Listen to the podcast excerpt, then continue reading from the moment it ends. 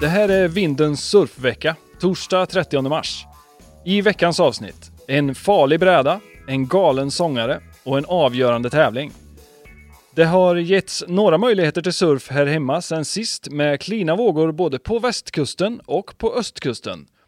Inte lika bra som i Danmark såklart, men eh, det behöver vi inte tänka på mer nu. Vi är ju snart framme i april, men den riktiga våren tvekar lite fram och tillbaka. Helgens sessions i 10 grader och sol kändes väldigt långt borta i morse när varje spolning och duckdive bedövade huvudet. Så vinterdräkten får nog stanna kvar ett par veckor till i alla fall. Apropå duckdive så har det blivit dags att dyka in i flödet och välja ut veckans vågor. Jag har som vanligt scrollat tills jag somnat och det här är vad jag drömde om den här veckan. På tredje plats har vi det här klippet från vad som kanske först ser ut som en knappt surfbar våg på Ikumi Beach. Men nästa gång du gnäller på att vågorna är för små så kan du ta fram den här filmen och kolla när Yujiro Tsuji hinner med tre hits på tre decimeters miniface. På andra plats kommer de här spikraka brittiska linjerna som lockar till benbrännare på vägen in och antagligen armbrännare på vägen ut. Jag räknar till minst sju vågor i det där monstersättet och räknar pengarna på sparkontot för att se när en resa västerut kan bli av. Apropå resor. På veckans första plats hittar vi den här turkosa tuben från Kandui Left i Mentawai-skärgården.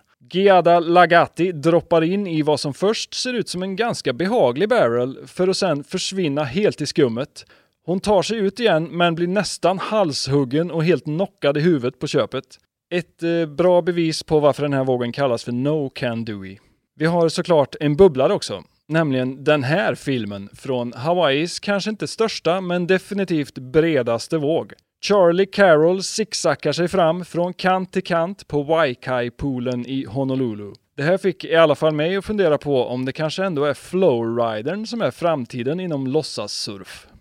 Om du vid det här laget känner dig lite mätt på smuliga små surfkakor så har jag även en hel tårta på lager.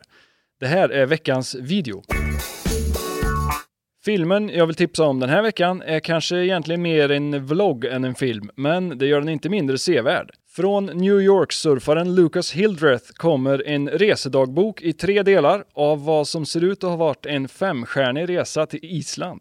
Från att väckarklockan ringer klockan fyra på morgonen via en fem timmar lång resa till den ej namngivna staden och vidare till en oändlig mängd helt perfekta och folktomma högrar så satt i alla fall jag som klistrad framför de här klippen. Jag vet inte riktigt varför, men det är lite gött ibland att bara mixa upp noga kurerade och perfekt klippta surffilmer med ett sånt här gör det själv-jobb.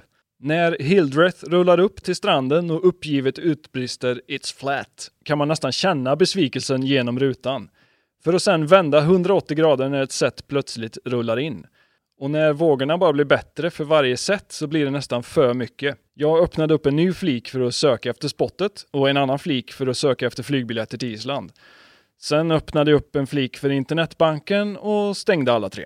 Men eh, kolla absolut in de här klippen på Lucas Hildreths YouTube-kanal och Instagram-kontot NextSwell. Länkarna hittar du här nedanför. Från Islands svarta stränder över till mina svarta plattor.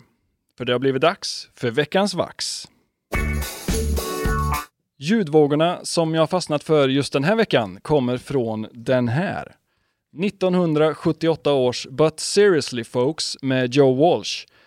Walsh är kanske mest känd som den ena gitarristen i Eagles och som en av rockhistoriens kanske mest urspårade personer. Men han har också skrivit eh, många bra låtar, som till exempel öppningsspåret Over and Over, som passar perfekt om du är på väg ut för en omgång surf. Den går så här.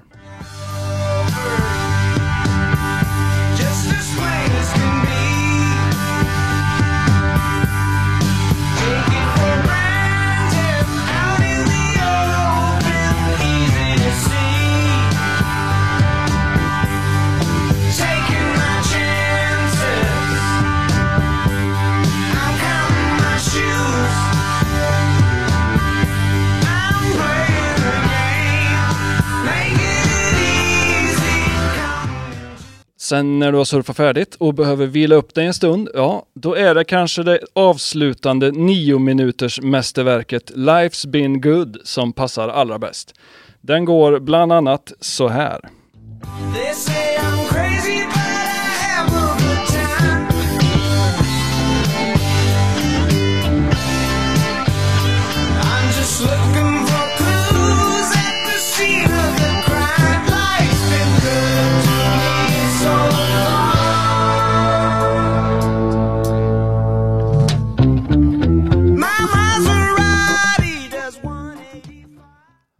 Joe Walsh alltså. Kolla in honom och alla andra musiktips här från programmet på spellistan Veckans Vax på Spotify.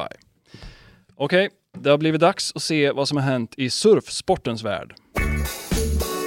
Australiens sydöstra hörna är ju nästa anhalt för VSL-cirkusen. Nästa vecka öppnar vänteperioden för Rip Curl Pro Bells Beach, en tävling som tillsammans med det efterföljande stoppet i Margaret River kommer bli helt avgörande för alla de surfarna som just nu befinner sig under kattlinjen. som därmed riskerar att gå miste om biljetten till tourens andra halva. Rutinerade namn såsom Igarashi, Gilmore och Andino står alla för tillfället utanför finrummet och vill in och andra veteraner såsom Georgie Smith och Nat Young klamrar sig fast strax ovanför fallgropen ut i ingenmansland. Mycket kan dock förändras på en tävling och endast 5000 poäng skiljer plats 30 från plats 23 för herrarna och bara 3000 poäng från damernas 15 upp till säker mark på topp 10. Som jämförelse så ger förlust i ett kvartsfinal hit 4700 poäng, så inget är ju kört än. En rolig överraskning från tävlingens sponsor var att Owen Wright fått ett wildcard. Goofy-gigantens comeback är dock en engångshändelse när upprepade hjärnskakningar tyvärr tvingar honom att lägga tävlingskarriären på hyllan. Slutseger eller ens finaldag för Mr. Right är kanske att hoppas på för mycket. Men det vore ju kul om man fick vinna i alla fall ett eller två hit till innan det är dags att helt sluta surfa thrusters. Jag plockade i alla fall in Owen i mitt fantasylag mest som en kul grej. Det kan i alla fall inte gå sämre än det redan gjort. Förutom Owen kommer även legendarerna Ocky och Curran mötas i ett veteranheat i Victoria. Curran passade faktiskt på att värma upp lite med en tävling när han sökte sig förbi Raglan, Nya Zeeland nyligen. Ockus form lite mer oklar. En annan som just nu befinner sig under den där kattlinjen och också behöver vinna några hit är Kelly Slater. Så vi kanske ska kolla in vad geten har gjort sen sist i Kellykollen. När vi kollar in i kikaren och ser den här avslutningen på Kellys Portugalresa så ser han ju verkligen ut att ha en del kvar att ge även i år. En bit längre bak i tidsmaskinen hittade jag även det här klippet när Slater hänsynslöst ormar sig in i en backdoor-tub. Så det verkar inte vara någon brist på vinnarenergi i alla fall.